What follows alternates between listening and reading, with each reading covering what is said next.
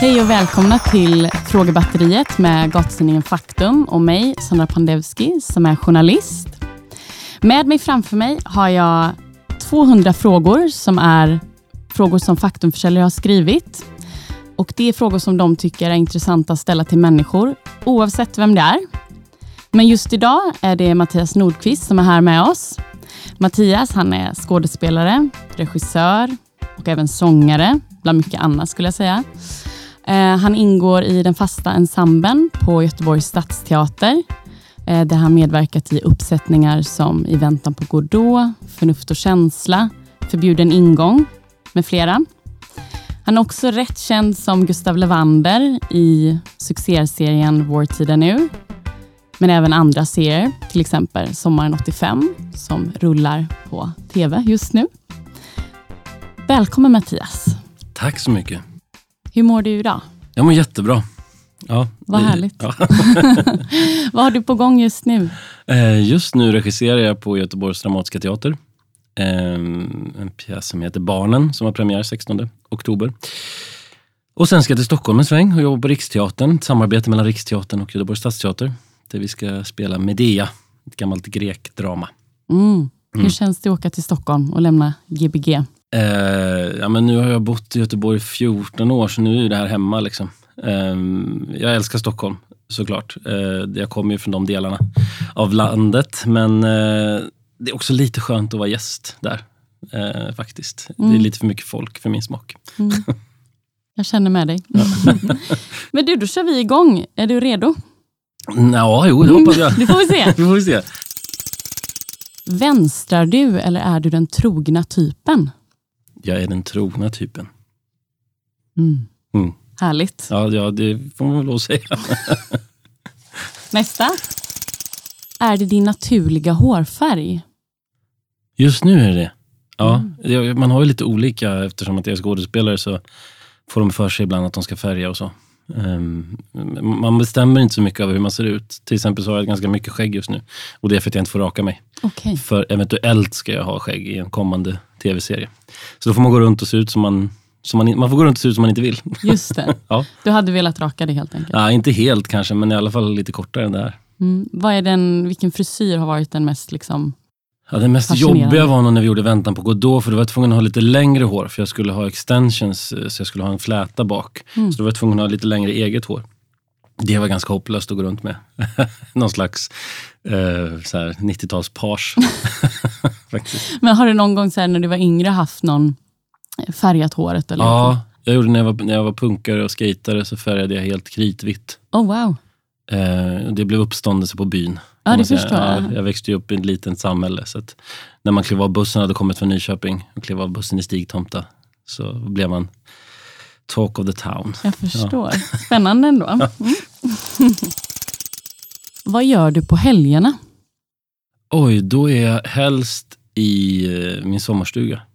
Eh, och umgås med min familj såklart. Ehm, det, det är nog det jag gör helst just nu med det här härliga höstvädret. Sådär. Var har du sommarstugan någonstans? Eh, den ligger mellan Göteborg och eh, Borås, Mm. eh, vid en liten sjö. Eh, ja. Så där är liksom som ett, eh, en återhämtningsplats. Mm. Skönt. Men just när du är då ledig, Ja. det kanske inte alltid är på helgerna, men vad, vad tar du dig an då? Alltså jag är ju, eh, jag åker mycket moped. Jag har en moped där ute så jag åker runt bland sjöarna och i skogen. Alltså det är något med naturen och mig. Jag, ju äldre jag blir, ju mer längtar jag ut i skogen. Så att jag tror kanske att jag så småningom kommer bosätta mig någonstans på landet. Eh, ja, det, det, det, jag trivs bättre i skogen än på Avenyn. Förståeligt. Bäddar du sängen varje dag? Nej, absolut inte.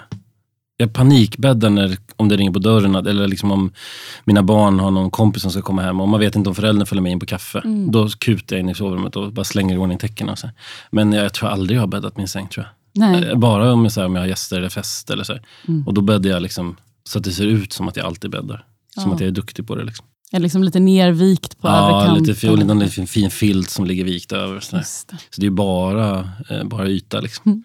Jag, Det är inget så här, liksom rutigt bädd, nej. överkast. Nej, gud nej, nej. Det är helt kaosigt. Liksom. Oftast för att jag sover tillsammans med mina två barn så är det ju verkligen kaos i sängen. Liksom. Så att, eh, nej, jag, det är så tråkigt också. Sådana saker som jag försöker alltid skala bort sånt i vardagen. Mm. Såna, så här, eh, och det, men det tråkigaste av allt är att byta sängkläder. Ja, även om det är väldigt skönt när man får nybäddat. Men, uh, ja.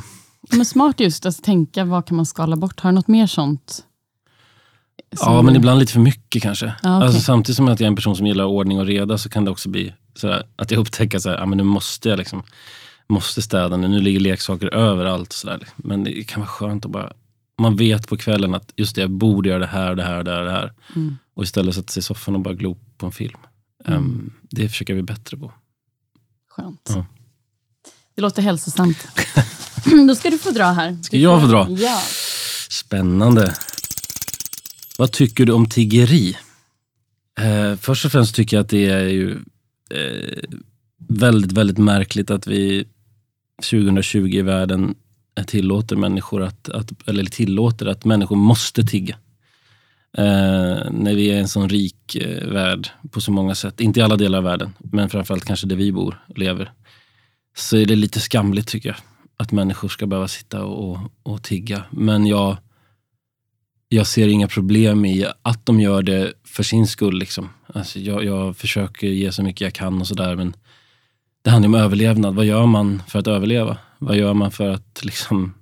Eh, jag tror att vissa människor tror att de här människorna har satts där för att det är bekvämt på något sätt. Eller jag tänker så här att det, det är den sista saken man gör när man är desperat. Mm. Ehm, och eh, jag känner väldigt mycket med de människorna. Och, eh, ja, och jag, jag har väldigt svårt för människor som arbetar aktivt för att få bort de här människorna från gatan. Mm. Tror du på änglar? Oj, det var en väldigt fin fråga. Min mamma är helt galen i änglar. Hon har änglar överallt. Jag vet inte vad det är och jag har frågat henne om det hon kan inte svara på det. Det är bara att hon, jag tror att hon, hon har sett en ängel en gång, tror hon. Mm. Och faktum är att jag också tror att jag har gjort det en gång. Oj, nu På- måste du berätta. Ja, jag ska berätta. Det här, nu kommer jag framstå som värsta eh, konstiga personen här, men det fanns en vind eh, i Malmö där jag bodde många år. Eh, och den vinden var inget mysigt att gå upp på själv. För så fort du klev in där så fick du ett obehag i kroppen. Så det var som att någonting hade hänt där. Och jag tror inte på den saken egentligen. Men det gick inte att värja sig, för det var en fysisk, påtagande fysisk, att jag, man vågade inte gå upp där själv. Man ville alltid vara två. Liksom. Och jag trodde det var trams när min granne berättade för mig att så här, gå inte upp själv, liksom, för det är ganska obehagligt. Och det var det verkligen. Och så var det en, en gång jag gick upp där jag inte kände någonting. Och där, där det var helt lugnt.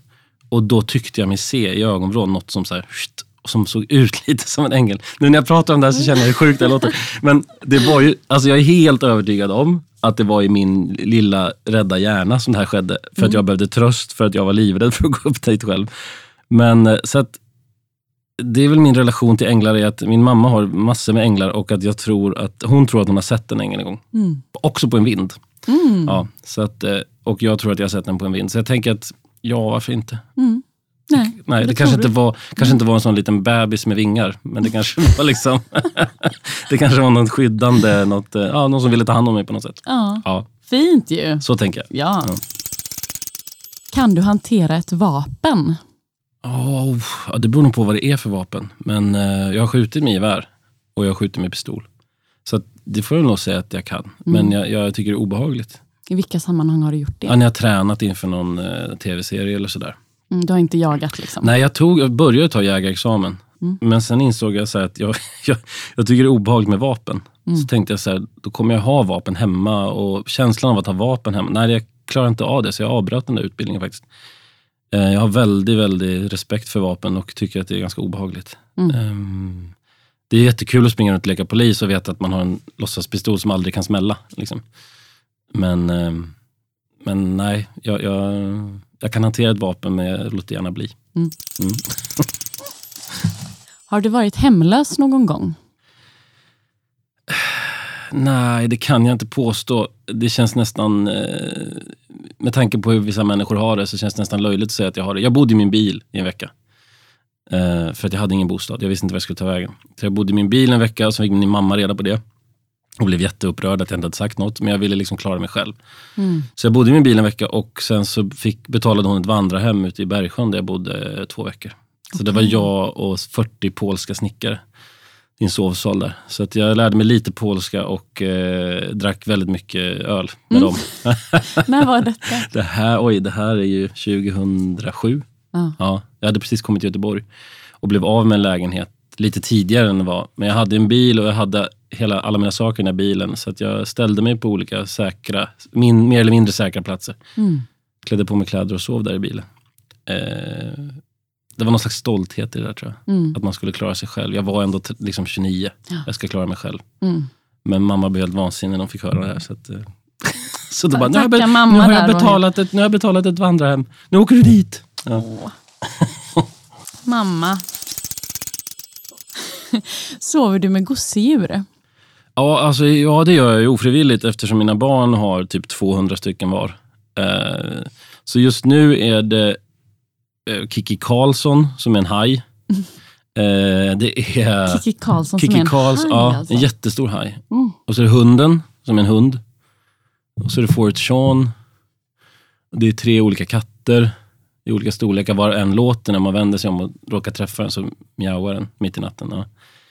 Så att, eh, det är ett inferno av gosedjur. Mm. Och ofta upptäcker man när man vaknar om barnen har gått upp före mig, så, där, så, så upptäcker jag att jag ligger liksom håller om Kikki Karlsson med hajen. Liksom. För hon är så stor, liksom, så det är lite mysigt. Så.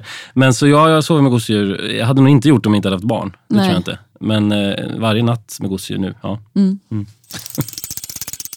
Hur politiskt engagerad är du? Inte så mycket som jag vill tror jag. Men jag skulle säga att jag kanske är mer politiskt engagerad än gemene man. Sådär. Om man inte jämför sig med politiker eller folk som faktiskt gör mycket, mycket mer än vad jag gör. Men jag har ett väldigt starkt politiskt intresse. Mm. Eh, jag har ett ganska stort rättspatos och, eh, och blir ofta väldigt, väldigt arg på orättvisor och sådär. Ehm, Det kan man ändå se på sociala medier. Sociala medier är jag Mm. ganska aktiv så och på både gott och ont. Eh, Det är många som inte tycker att jag bör hålla på med det. Eh, Medan andra blir stärkta av det. Eh, Jag har liksom ingen, jag har ingen agenda så mer än att jag vill belysa de, de konstiga saker i samhället. Liksom. Att, att, men som senast igår la jag upp något om att det var 9000 kvinnor i Sverige som varje år anmäler liksom våld i nära relationer eller våldtäkt i nära relationer och att, liksom, att ändå sitter folk och säger att feminismen har gått för långt. Liksom Mm.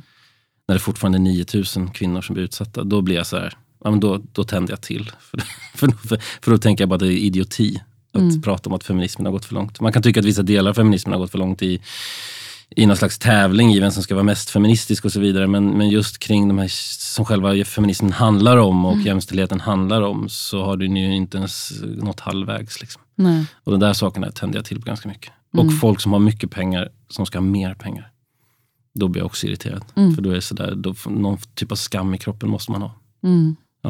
Så jag kan bli väldigt engagerad och jag kan Jag bli väldigt förstår. upprörd och väldigt, väldigt enkelspårig. Så jag håller på att träna på att bli sådär härligt eh, förstående och inlyssnande. Jag, jag, är inte, jag är ganska dålig på det.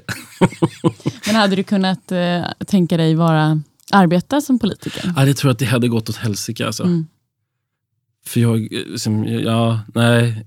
Jag hade nog blivit så här Palme gånger 200 och skrattat åt andra som hade tyckte fel. Och så här, som Mm. som jag. Jag har ingen, har ingen, jag har ingen, bra, eh, jag har ingen bra temperament tror jag, när det gäller politiska frågor. Jag Nej. blir ofta ganska upprörd när folk eh, säger dumma saker. Mm. Det funkar inte riktigt i politiken idag. Eh, man måste vara tyst och lugn, märker jag. Ja, då får du hålla dig på, För, för att hålla väljarna på, på nöjda. teatern då. Ja, precis. Mm. 2020, ett makalöst skitår. Räknar du med att det vänder vid nyår? Du är inte ensam. Men man kan aldrig vara nog försiktig. Köp överlevnadskittet, en sprillans ny kalender från Faktum med det du behöver för att överleva alla kriser. Just nu, köp den på gatan eller på faktum.se.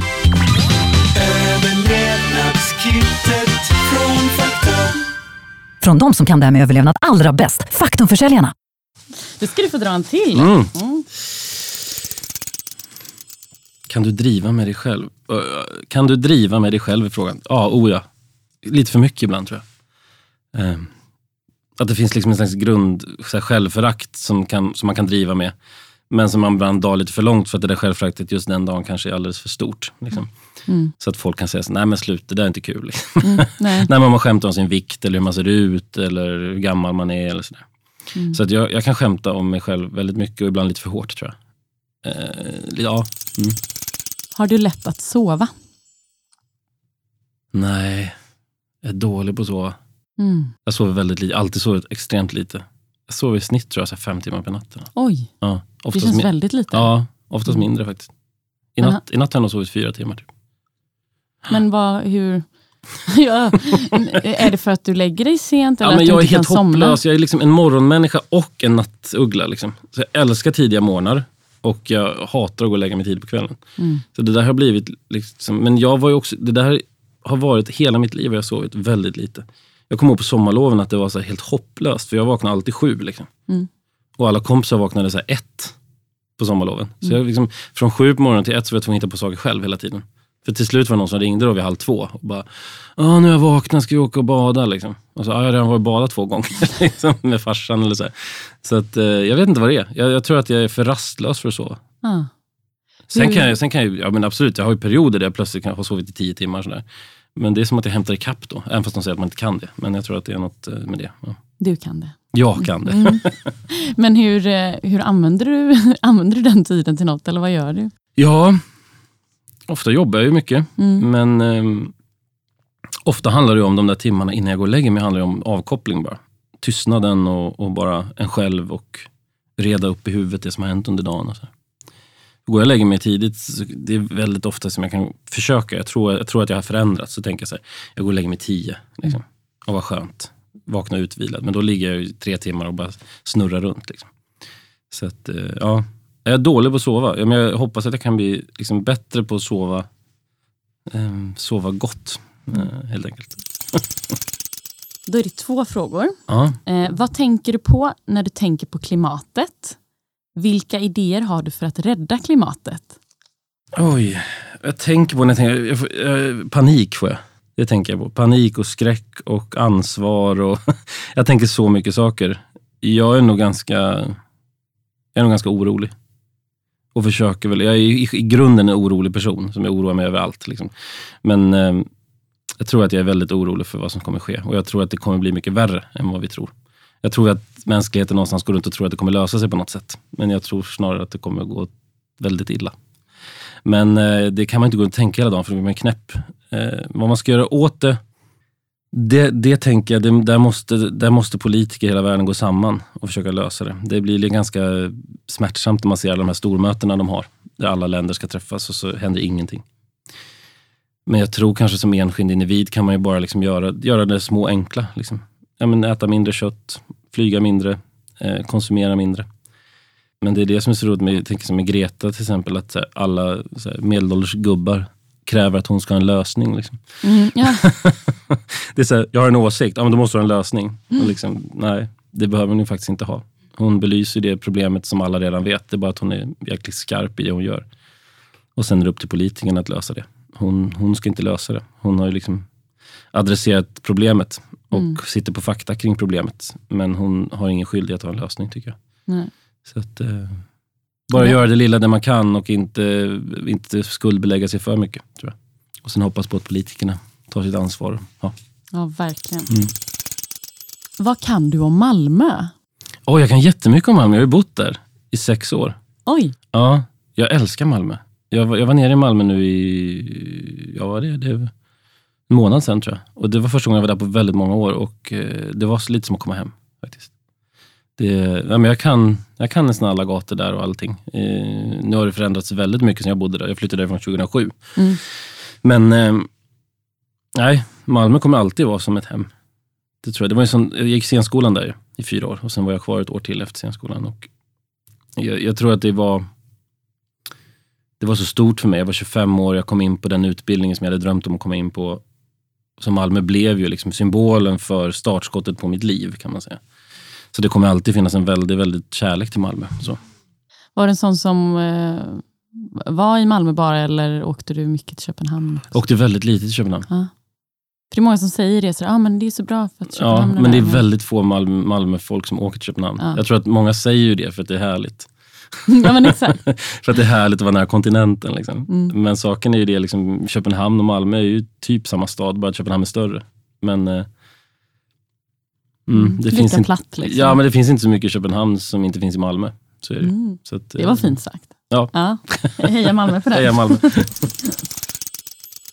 Om du hade stålar, vad, hade, vad har du velat göra då? Oj, jag har stålar.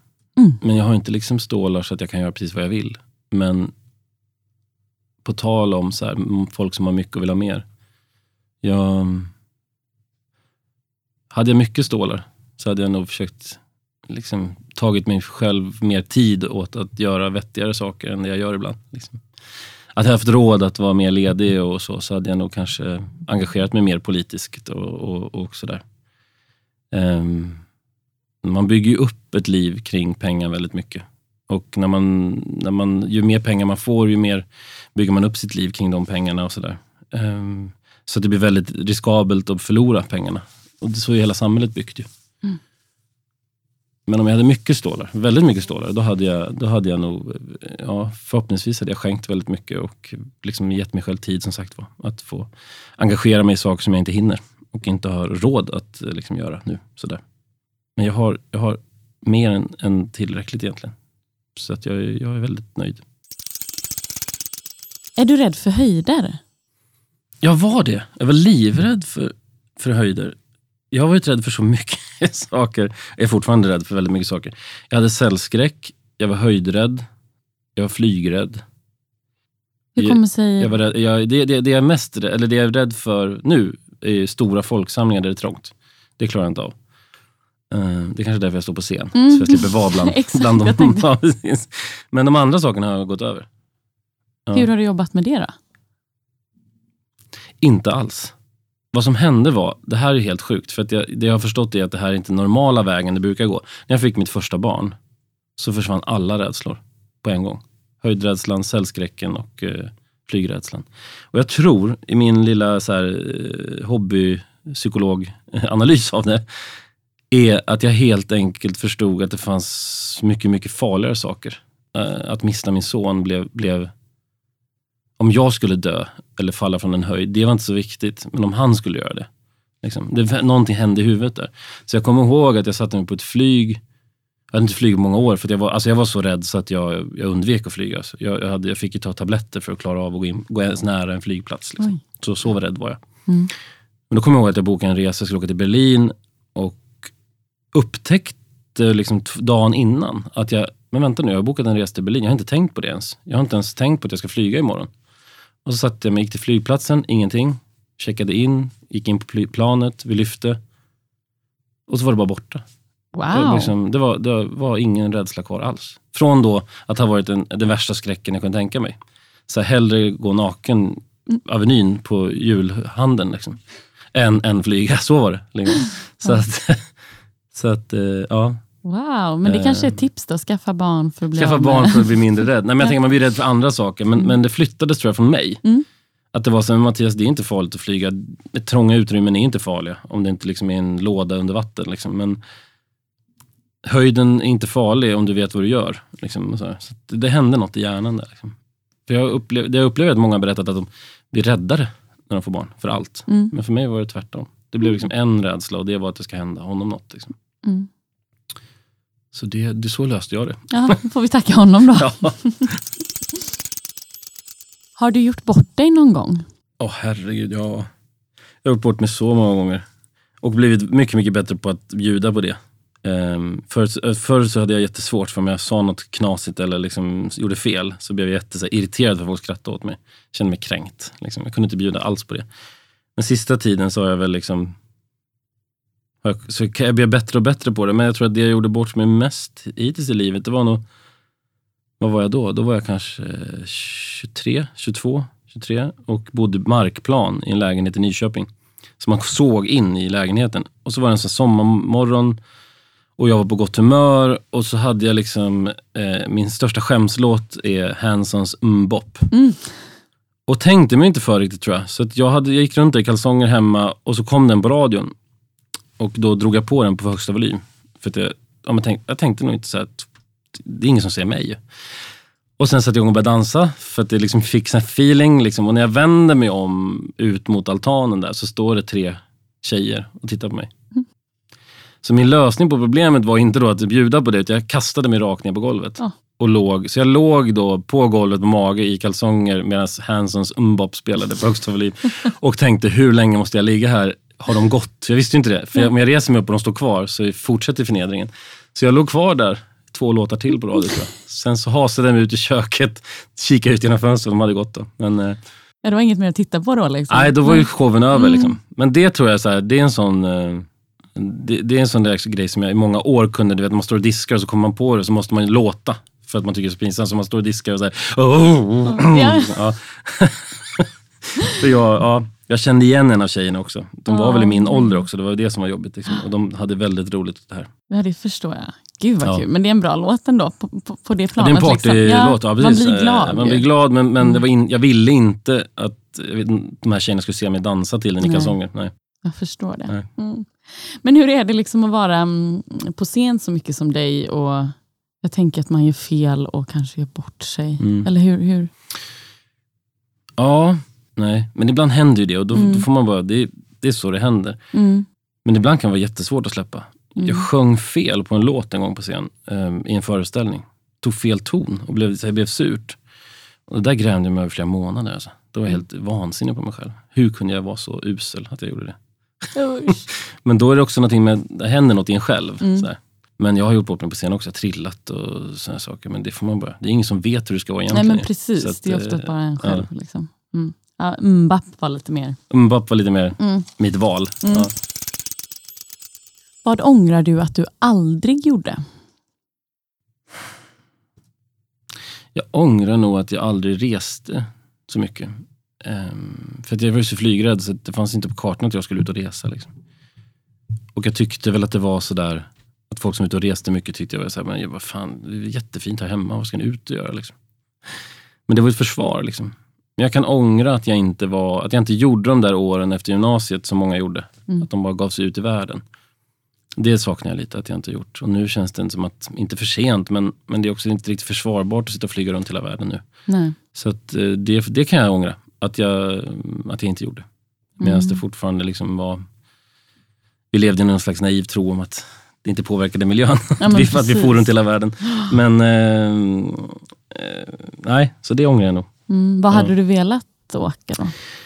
Ja, men jag hade nog velat se eh,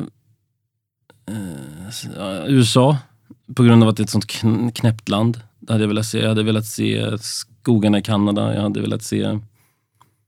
Jag har sett pyramiderna, jag har varit i Egypten. Så Mm. det har jag ändå avverkat. Men eh, jag skulle vilja åka till Kina. Och sen, alltså, jag skulle vilja se liksom bara stora delar av världen helt enkelt. Mm. Och eh, uppleva andra, andra kulturer och sådär. Mm.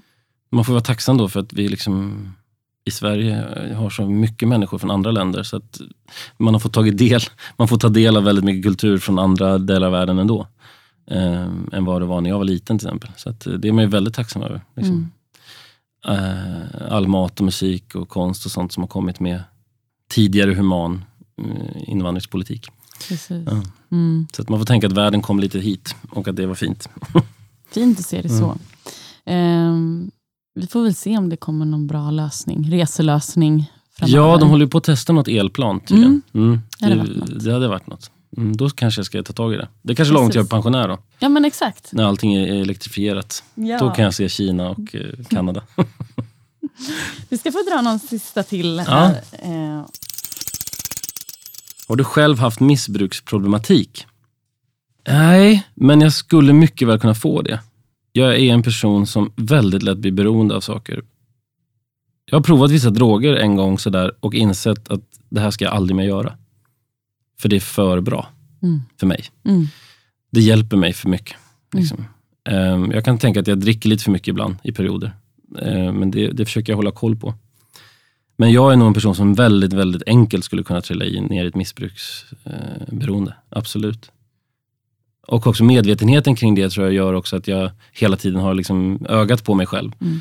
Att sådär att nu, nu Mattias, liksom, men så har det varit med allt. Liksom. Jag liksom miss, jag, nässpraysberoende har jag varit i flera år. Så jag har liksom slutat och så har jag kommit tillbaka. Det är ingenting med droger att göra, men Nej, det är ändå beroende-grejen. Liksom. Mm. Och att jag snusade och rökte i många år.